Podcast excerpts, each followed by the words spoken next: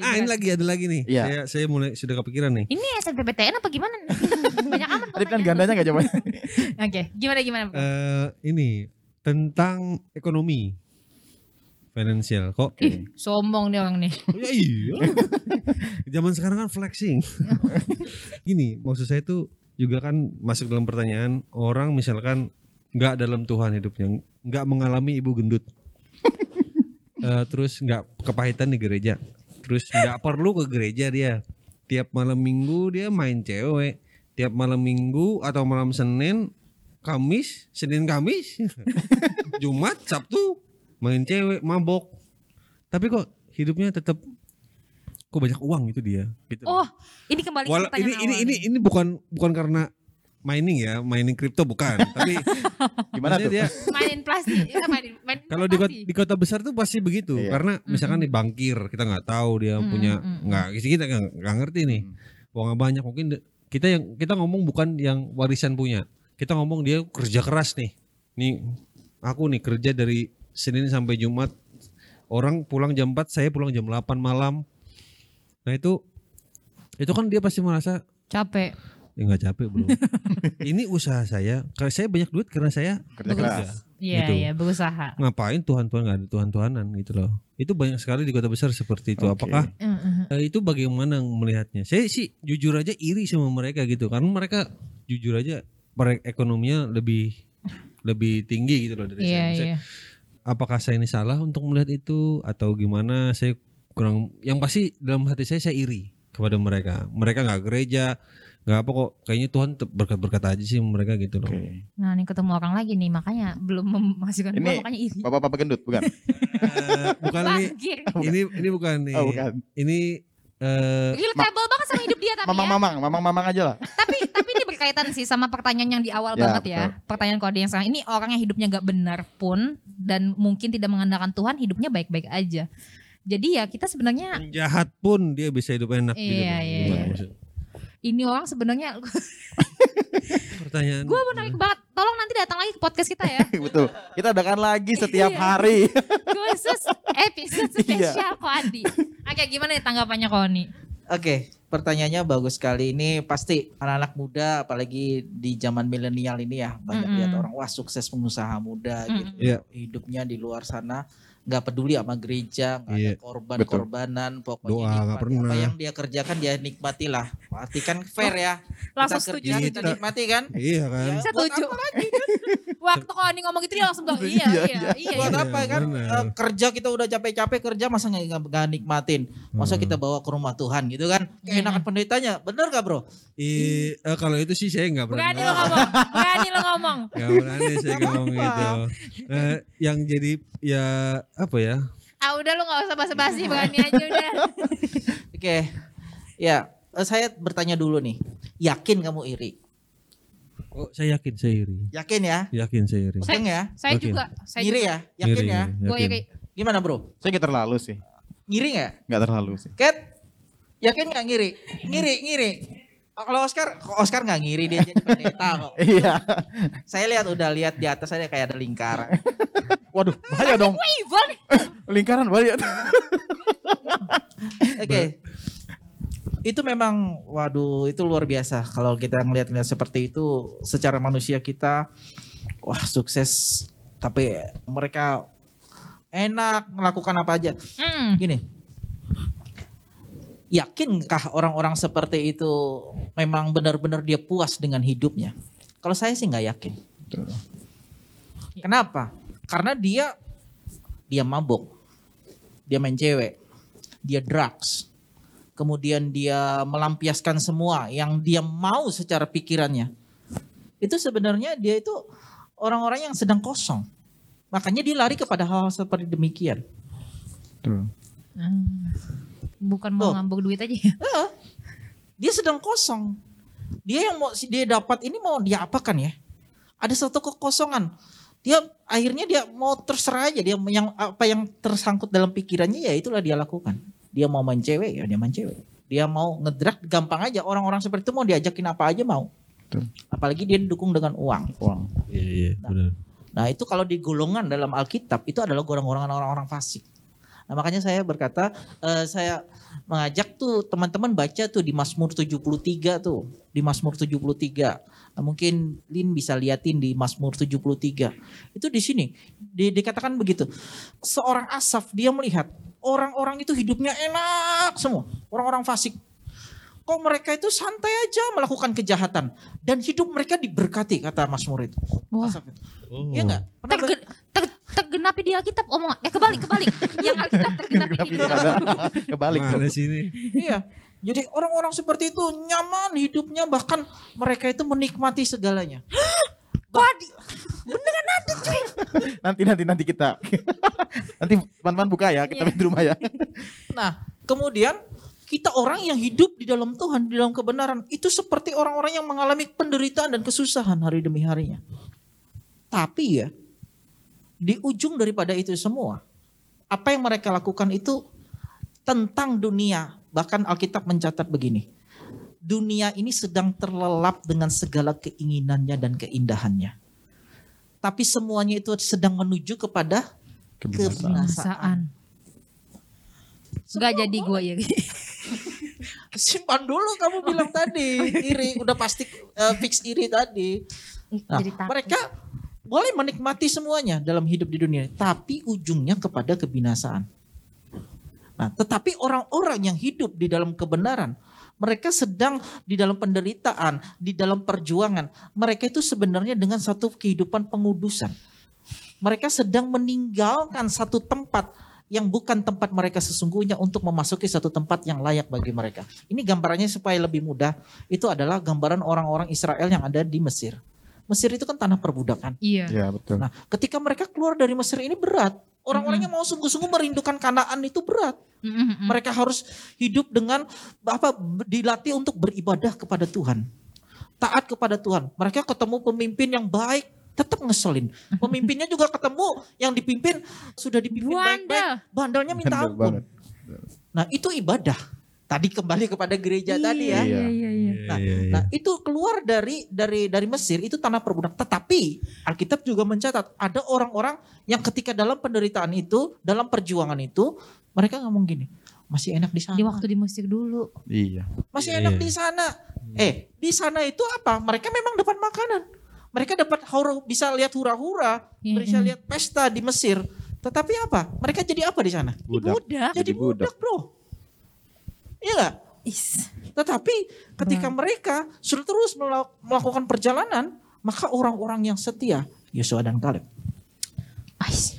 dia sampai menginjak suatu tanah yang lebih indah.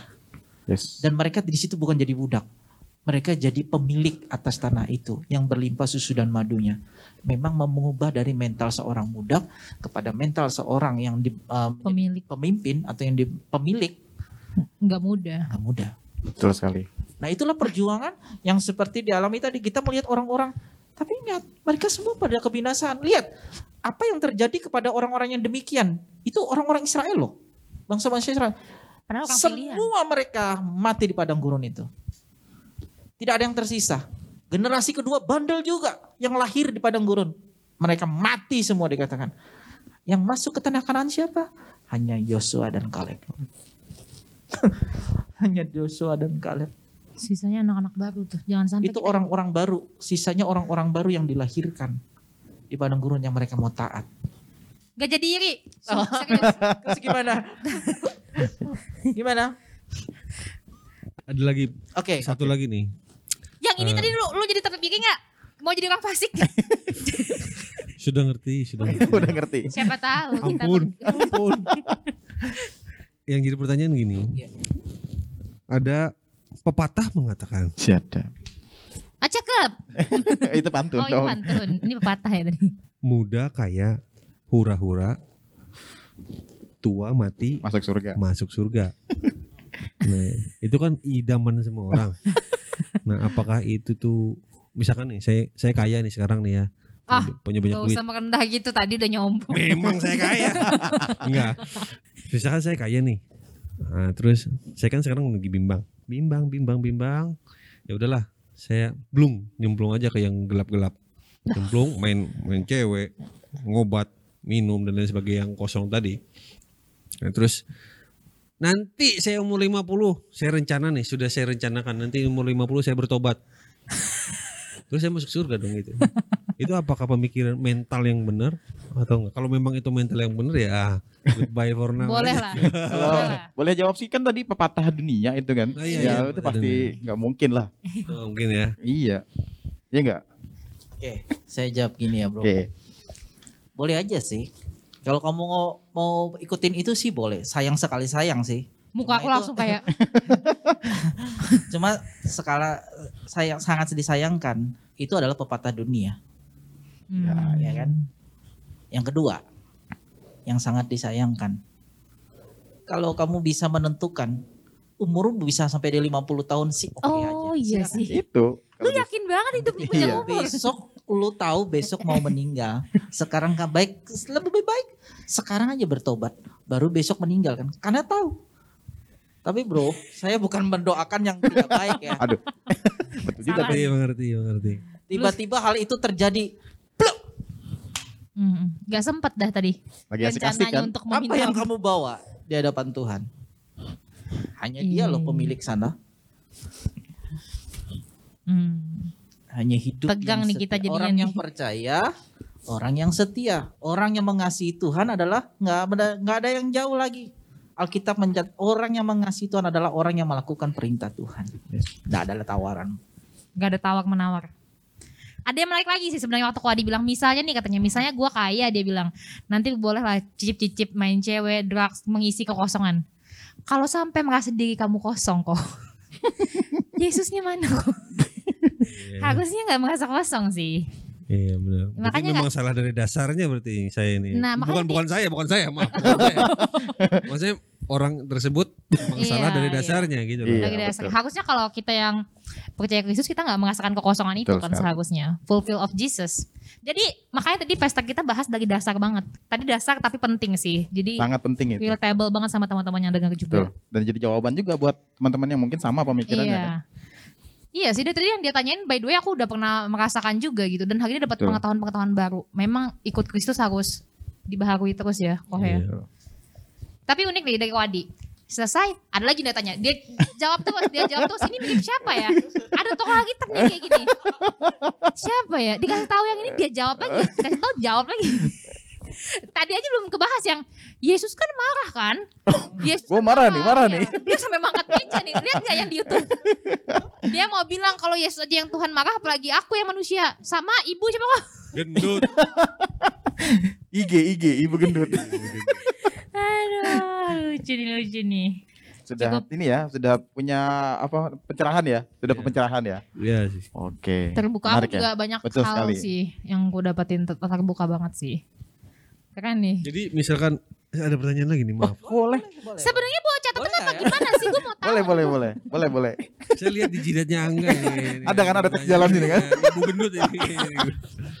Gimana gimana? aduh saya kok lupa. Tak matiin soalnya di jidat gua. Emang kayak di di in bulaga itu ya yang ada di Iya. Bisa jadi, bisa jadi. Eh, aduh. Eh, aduh kok beneran lupa ya? Yesus marah, Bukan, bukan. Bukan. ibu gendut respon. Iya gendut. Oh jadi gini, jadi bolehkah kita nih berkelahi di gereja? Langsung inget kan dia? Langsung inget kan dia? Karena kita kan bergesekan nih. Sama-sama apalagi kita mau orang Inilah dia sengaja nih. ya maksudnya. Itu misalkan orang ini nggak tahan. Itu kan bagian dari proses juga. Berkelahi itu adalah bagian dari proses. Saya saya mau bukannya berkelahi fisik atau berkelahi tidak Nah, teguran itu. atau gimana? itu yang yang jadi apakah ada patokannya itu berkelahi itu seperti apa? Oh ada batasannya, ada ya gap-gapnya ada gitu ya. batasannya kah? Itu eh, ya ini pertanyaannya terlalu itu sih. Kalau yang saya tangkap tadi eh, kita ini berproses, terus orang itu diproses orang lain. Itu kan kalau misalkan kita kita nggak tahu kita kan punya apa ya batasan tersendiri. Kalau orang itu melangkahi batas kita itu loh, yang jadi masalah kan itu apakah Oh itu batas kesabaran Sabaran. kita. Ya, jadi apakah hal itu tetap diperbolehkan? Karena gini, karena saya saya percayanya gini, kalau kita teman, kita teman, kalau kita berkelahi wajar lah gitu kan. Mm, mm, mm, Tapi pada akhirnya nanti kita bersahabat, eh maksudnya ber, berbaikan kembali. mm, mm. Nah, apakah itu juga bisakah itu menjadi terjadi di gereja dalam gereja atau Kalau udah melewati batas nggak bisa bersahabat lagi dah nggak usah gitu nggak apa-apa. Iya kan itu orang lain, ibu, apalagi ibu gendut kan. Balik lagi gitu. Topik kita begendut ini. Sebenarnya pelepasan aja kita malam ini kok. Bukan, bukan. Bisa. Ini pertanyaan terakhir dah. Ya. Itu dah. Ultimate sudah itu. Kalau lain gimana lah? Oke. Jawabannya sih bukan boleh apa tidak boleh. Begitu. Bukan boleh apa tidak boleh, tapi begini. Dalam hal mungkin ini berkelahinya dalam adu argumentasi ataupun tidak bertegur sapa ya. Hmm, Iya, paling sering itu sih. Bukan berkelahi ber seperti Berkelahi tangan bukan. one championship Oh, bukan ya. Bukan UFC ya. membekelahi. Bukan ya. Kalah saya sama ibu gendut lah. bukan kan? Ya. Timpa saya. Yang parah sih. Bukan eh, jawabannya bukan boleh atau tidak boleh.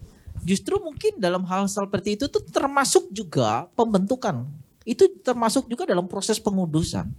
Mungkin kamu dalam hal-hal seperti itu kamu berargumentasi, oh kamu bilang tadi kan manusia ini punya batas sabar.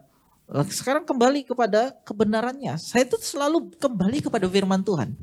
Firman Tuhan, kesabaran tuh sebenarnya Tuhan tuh sabarnya Tuhan tuh seperti apa sih? Tujuh kali tujuh. Tujuh kali tujuh Pengampunan, kali. bro. Pengamputan bro. Nah, sabarnya Tuhan tuh sampai kapan?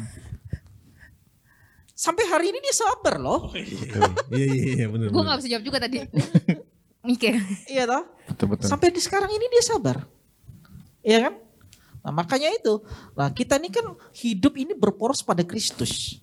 Gereja kita, kita sebagai gereja Tuhan itu harus berporos pada Kristus. Nggak boleh kita berporos kepada yang lain. Kalau kita mulai berporos kepada tanggapan dunia, cara berpikir dunia, terus kemudian kepada satu tokoh di dunia, engkau pasti keliru harus berporos kepada Kristus. Kenapa? Karena Kristus itu sang gembala agung. Satu. Kemudian dia itu sempurna.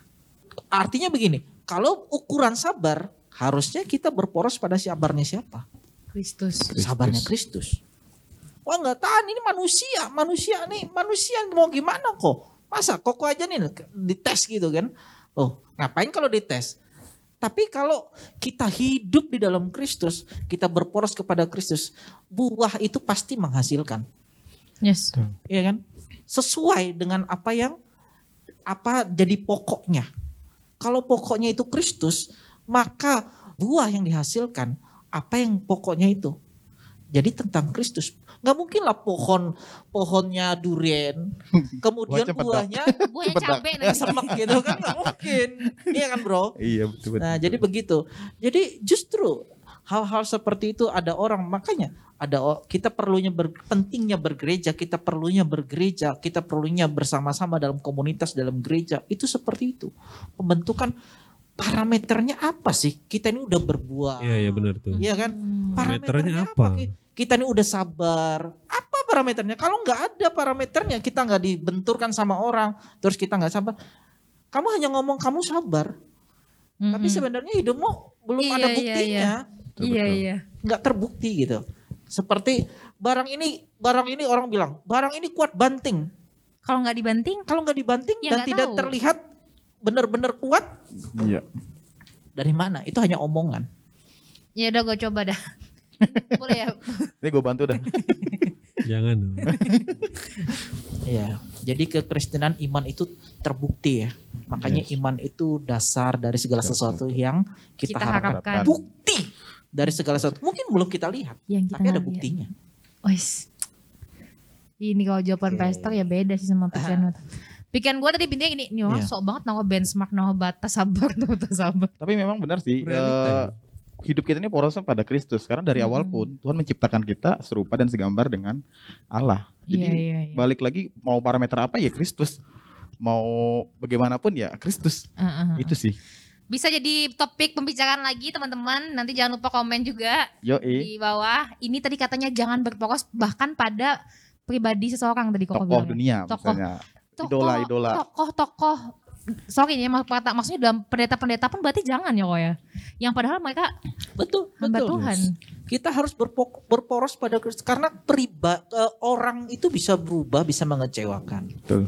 Tapi kalau pendeta kita kita eh, kita menghormati hamba Tuhan itu perlu ha- wajib karena apa dia penyampai-penyampai firman saudara-saudara kita pun kita harus saling menghargai karena Oh. dia juga dia dipakai Tuhan untuk membentuk kita makanya itu saling menghargai itu tubuh Kristus Tapi bukan berporos sama apa pun yang bukan disampaikan. berporos pada akhirnya kita mengkultuskan oh ini pendeta ini paling hebat oh ini pendeta ini kurang hebat akhirnya kita kepada Mm, mm, mm. manusianya Berharap oh ini sama pengajarannya hebat pendeta ini kemudian kita terkagum kepada pribadi itu akhirnya itu bisa jadi satu berhala Oh.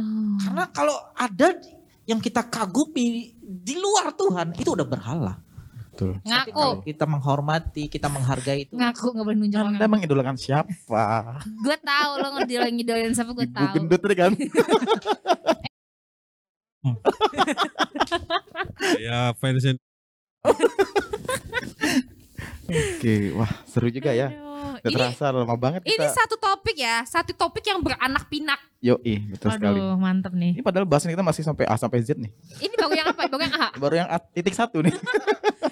Ini berarti satu tahun gak selesai nih. Banyak episode kita hari ini. Tapi puji Tuhan sih, banyak banget yang terbaharui Ya, dan, dan terberkati. jadi Dan jawaban sekali. bener-bener harap kalau Koadi juga dapat something new gitu. iya sih ini juga saya ini kan Kristen dari kecil Mm-mm. Ngakunya- Saya juga ngakunya Kristen dari kecil Iya. ngakunya.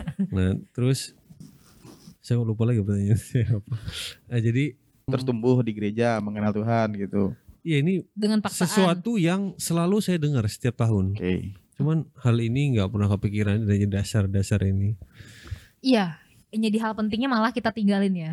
Kita Iya. belajar sama pelajaran-pelajaran mungkin ajaran-ajaran Alkitab yang tokohnya menghafal tokoh, bener tapi yang dasar tadi eklesia tadi kita nggak tahu bahkan aku baru nggak juga maksudnya panggilan tuh itu by the way Koni. Aku pikir sama ini panggilan tuh ya karena aku nih rasa aku rajin gitu ke gereja, aku pikir aku udah terpanggil. Ternyata yang ini parah lagi sih sebenarnya. Kalau boleh ngomong lu lebih parah sih. Lu bahkan gak tahu lu terpanggil apa kagak. ya karena kalau panggil orang panggil panggil sini duk ini beli nah gitu itu kan panggil Iya benar kayak kayak ya. orang yang mimpi Yesus gitu ya itu mungkin dipanggil kali ya. nah ya itu juga kalau mimpi ketemu Yesus itu merasa itu panggilan buat saya saya nggak tahu kalau Iya. misalkan Tapi Saya kita nggak pernah ini. dihampiri mungkin. kita belum mau dikuduskan kita berdua mungkin. Atau belum mau kudus. Bahaya itu. Oh, Oke oke. Tapi intinya kita berdua sudah dipanggil bro. Puji Tuhan.